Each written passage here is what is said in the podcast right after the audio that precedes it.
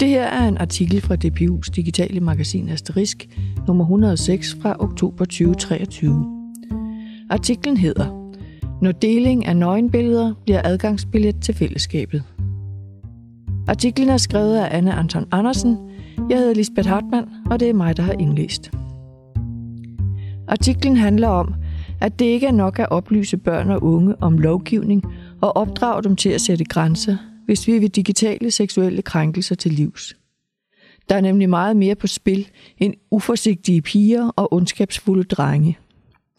Deling af seksuelle billeder kan danne ramme om identitetsskabende fællesskaber, hvor drengen bliver drevet af at demonstrere mod og hårdhed som led i en traditionel forståelse af maskulinitet.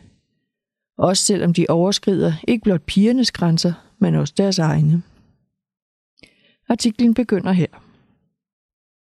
Da politiet i 2018 sigtede mere end 1000 danske unge for at dele en seksuelt krænkende video af en 15-årig pige og en gruppe drenge i samme alder, blev den såkaldte Umbrella-sag offentlig kendt. Pernille Rasmussen, postdoc ved DPU Aarhus Universitet, sad som led i sin Ph.D.-afhandling med ved retsmøderne, og det stod hurtigt klart for hende, at sagen handlede om meget mere end drengenes individuelle bevæggrunde.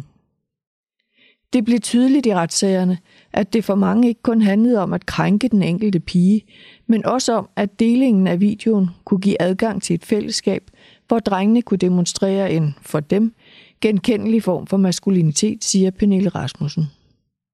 Hun har undersøgt, hvordan deling af seksualiserede nøgenbilleder får betydning for unge. Udover at følge om sagen har hun overvåget forskellige forer på nettet, hvor unge drenge delte seksuelt billedmateriale med hinanden, og hun har interviewet en række unge erhvervsskoleelever mellem 15 og 20 år om, hvad der får dem til at samle på, dele og kommentere billeder af nøgne kvinder, såkaldte nudes, i forskellige online forer. Det overraskede hende, at drenge, der for det meste agerede som respektable og fornuftige unge i deres fysiske fællesskaber med pigerne i klasserummet, samtidig havde adgang til nøgenbilleder i Dropbox og andre steder, og at flere havde Snapchat-grupper, hvor de delte billeder af piger fra deres skoleklasse. Alle de drenge, jeg interviewede, havde adgang til den slags billeder. Det var andre normer, der trådte i kraft i online-livet – og drengene skiftede ubesværet normsæt, alt efter om de agerede online eller i det fysiske rum, siger Pernille Rasmussen. Både i observationerne og i de interviews, Pernille Rasmussen lavede med de unge erhvervsskoleelever, havnede drengene i dilemmaer, hvor frustrationer, ambivalens og en indre moralsk modstand mod at dele billeder dukkede op. Drengene udviste for eksempel medfølelse med pigen fra Umbrella-sagen og gav udtryk for, at de syntes, at det var virkelig synd for hende – de var helt klar over, at sagen ville få konsekvenser for hende, som hun aldrig ville kunne lægge fuldstændig bag sig. Også selvom de selv havde været med til at dele tilsvarende materiale. Hvis nogen gjorde det samme ved deres søster, så skulle han bare smadres. Der var også situationer, hvor nogle af drengene viste modstand mod at dele billeder, men når en ven så plagede om at få lov at se, bukkede de under for presset og gav efter for trangen til at bruge billederne som adgang til samhørighed med denne ven eller med en drengegruppe. Sådan dilemmaer demonstrerer en splittelse. Drengene ved godt, at det ikke er rigtigt at gøre, og de har ofte heller ikke lyst, men normerne i fællesskaberne gør, at det alligevel sker, forklarer Pernille Rasmussen.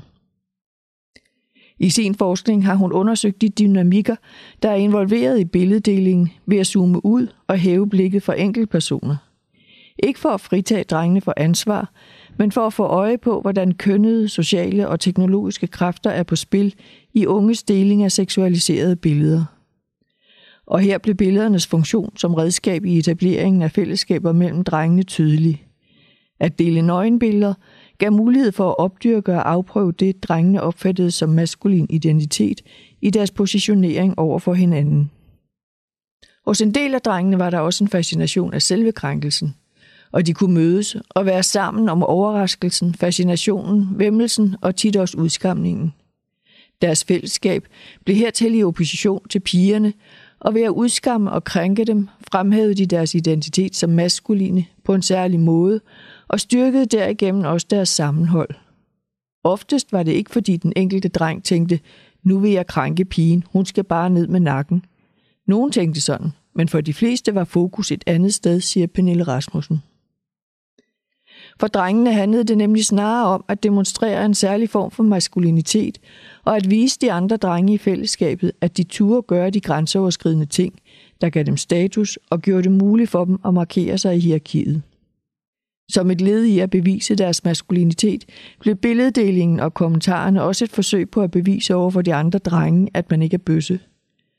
Mange kommentarer var udtryk for et forsøg på at latterliggøre normerne i en form for hypermaskulinitet, der adskilte sig fra det feminine, siger hun. Ifølge Pernille Rasmussen højner det ens status i drengefællesskabet at have mange billeder og have billeder af den rigtige slags piger. Og det skal helst have krævet en særlig indsats at få fat i billedet, hvis det skal tjene formålet med at booste den form for maskulinitet, som efterstræbes. Det kan være billeder af nogen, man kender, for hvis man kender navn og adresse på pigen, er det lettere at fantasere om den konkrete pige. Og det, at det er en, man kender, beviser, at det ikke er konstrueret, siger Pernille Rasmussen. Hun fortæller, at på nogle billeddelingssider er det praksis at skrive fakta om pigerne på de billeder, der bliver delt. Tilsvarende kan det give status at have sin egen arm eller fod med på billedet, som man deler med drengegruppen, som et bevis på, at man har været sammen med pigen og at man har turet at tage billedet og efterfølgende dele det. En praksis, der understregede det vigtige i at demonstrere billedets ægthed. Pernille Rasmussens Ph.D.-afhandling viste også, at billederne blev mere værd, hvis de kunne tiltrække sig massiv opmærksomhed og vække forarvelse.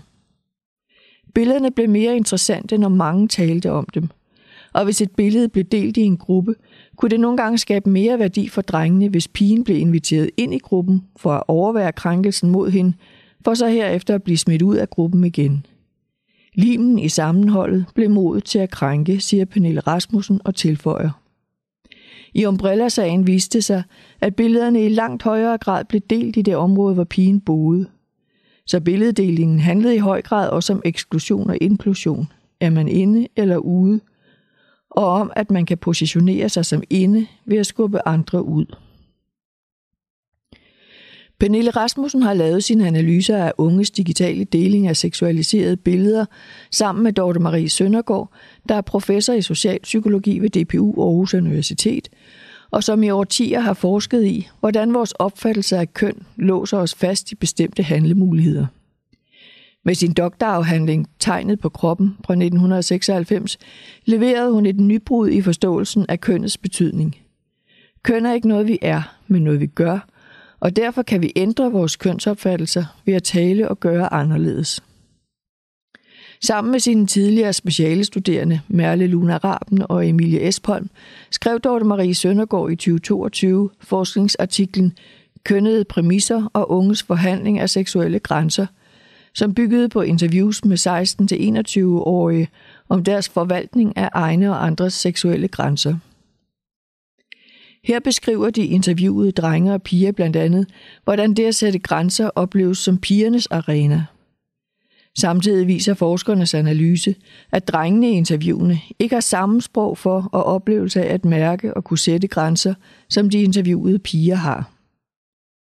For eksempel beskriver den unge mand Villas i artiklen, hvordan han til en fest har oplevet at blive kysset og kælet af en pige, efter at han var blevet drukket fuld og hvordan han havde haft ondt i maven og lyst til at flygte fra situationen.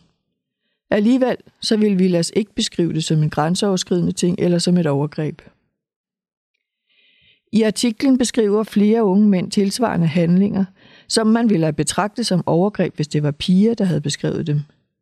Dette mønster tegner sig også i forskernes igangværende studie Drift, som undersøger, hvordan unges brug af sociale medier påvirker deres opfattelser af køn og grænser. De unge mænd har ikke på samme måde som piger sprog for at registrere og beskrive og sige fra, når deres grænser bliver overskrevet.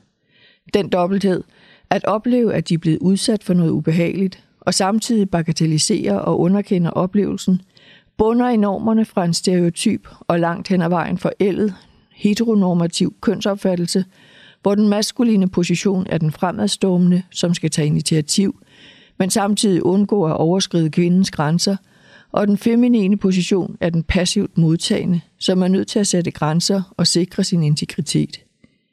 Inden for denne konservative kønsdiskurs opleves hendes grænsesætning over for hans pågåenhed som romantisk af begge parter, siger Dorte Marie Søndergaard. Selvom køn i dag er blevet langt mere differentieret og flydende, og der eksisterer mange flere og forskellige kønsdiskurser, lever denne gamle logik fortsat i mange sammenhænge, fortæller hun. Denne forældede version af de her kønsforestillinger fastlåser både unge kvinder og mænd i positioner, der begrænser deres handlemuligheder. Og det er præcis den slags, man også er nødt til at forholde sig til. Hvis man skal hjælpe de unge med at undgå seksuelle krænkelser, både digitalt og offline, har de brug for et sprog for det, de oplever, uanset hvilket køn de identificerer sig med, og hvilke kønsdiskurser de har adgang til at forstå sig selv og omverdenen igennem, siger hun. I den offentlige debat er der masser af opmærksomhed omkring grænseoverskridelser, når det gælder kvinder, men ikke når det gælder mænd. Ligesom der er opmærksomhed omkring ansvar for overgreb fra mænds side, men ikke fra kvinders. Begge dele risikerer at bidrage til et skævt og fastlåst billede af krænkere og ofre, mener Dorte Marie Søndergaard, og advarer mod en af de mange omkostninger ved det forældede maskulinitetsbegreb, at drenge og unge mænd tvinges til at give afkald på sårbarhed, intimitet og opmærksomhed på egne grænser, og at unge piger og kvinder bliver fastlåst i offerpositioner som traumatiserede, lidende og ødelagte. Selvom vores oplevelse af kønsidentitet er i opbrud, og kønnet er blevet en mere flydende størrelse, er grundpræmissen den samme.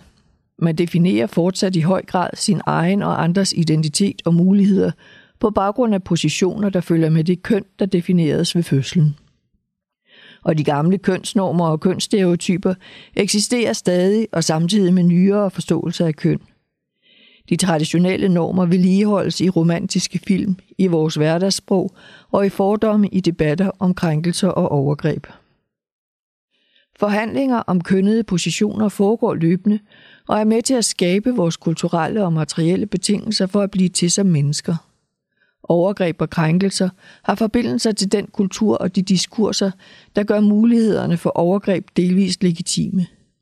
Derfor er det ikke nok at tænke i individuel skyld. Hvis vi udelukkende har fokus på enkeltpersoners ansvar, får vi ikke rokket ved de mere omfattende betingelser, der muliggør denne form for praksiser. Og derfor kan kønsforestillingerne blive ved med at rekruttere nye deltagere til de gammelkendte praksiser, der giver problemer af samme art, siger Dorte Marie Søndergaard og tilføjer. Det er interessant, hvordan mennesker bliver ved med at lave kasser og kategorier, som styrer og sætter regler, som demonstrerer magt og definerer, hvem der har ret til hvilke former for værdighed og liv. Hvis man vil forstå logikken bag deling af nøgenbilleder og seksuelle krænkelser online, er man også nødt til at se på, hvilken rolle teknologien spiller, og hvordan de teknologiske muligheder og betingelser øger kompleksiteten i de unges fællesskaber, lyder en af konklusionerne i Pernille Rasmussens Ph.D.-afhandling. At det foregår digitalt er en vigtig dimension. Det går hurtigt, og det gør, at det virker ufarligt og distanceret. Og når det relativt let kan lade sig gøre at skabe nøgenbilleder ved at manipulere billedmateriale og for eksempel klippe et ansigt på en pige, man kender, på et billede af en hvilken som helst nøgen kvindekrop, er det jo ikke nok først og fremmest at basere det forebyggende arbejde på at informere børn og unge om, at deling af nøgenbilleder er strafbart, og så opfordrer unge piger til at lade være med at tage nøgenbilleder af sig selv, siger Pernille Rasmussen og tilføjer. Det nemme er jo at sige, piger, I skal ikke dele nøgenbilleder. Drenge, I kan blive straffet. Og så skrue op for information om lovgivningen. Men det er ikke den endegyldige løsning, for så får man ikke arbejdet med understrømningerne, årsagerne til adfærden. Men hvordan får man dykket ned i understrømningerne? Det kan blandt andet ske ved at arbejde med de unges dilemmaer i relation til billeddeling. Men skal det være meningsfuldt, må det bygge på den virkelighed, de unge agerer i, og det er den virkelighed, Pernille Rasmussens Ph.D.-afhandling giver et smugkig ind i. Det er også virkelighedens dilemmaer, man møder i videoen Noras svære valg, som det kriminalpræventive råd publicerede i 2022, blandt andet på baggrund af Pernille Rasmussens forskning. De digitale muligheder for hurtig billeddeling er vanskelige at rulle tilbage. De politiske fokus på at styrke seksualundervisningen i folkeskolen og beslutningen om at gøre den obligatorisk, også i gymnasiet, udgør derfor et udmærket momentum for at hjælpe børn og unge med at forstå og bryde de dynamikker, der ligger bag seksuelle krænkelser online, mener Pernille Rasmussen. Ifølge Dorte Marie Søndergaard bør den nye styrkede seksualundervisning i grundskoler og på gymnasier arbejde med fællesskaber, normer og de dilemmaer, de unge kommer til at stå i. Artiklen, hun skrev sammen med sine specialestuderende, konkluderer, at de unges skæve kønnede præmisser for grænsesætning indskrænker deres muligheder for at forstå og navigere i seksuelle møder. Hvis man vil lykkes med at skabe en seksualundervisning i skolen, der giver alle mulighed for at tage del i sikringen af gensidig samtykke, må man forlade en gammeldags ensporet normativ definition af, at grænser er noget, piger skal vogte og drenge skal undgå at bryde. Man må undersøge, hvad de unge mennesker har brug for og ønsker at vide noget om. Og man bør i langt højere grad bruge cases og narrativer, der vedrører de unge direkte, så de får bedre mulighed for at se relevansen i undervisningen. De unge keder sig og føler sig fremmedgjorte i seksualundervisning, der bygger på en gammeldags tænkning af kønskategorier og teknik, siger Dorte Marie Søndergaard. Også Pernille Rasmussen mener, at fællesskaber og kønsnormer bør udgøre en langt større del af seksualundervisningen, end det er tilfældet i dag. Fordeling af seksuelt krænkende billeder handler om at skabe sig værdige positioner i et fællesskab bygget på traditionelle kønspositioner.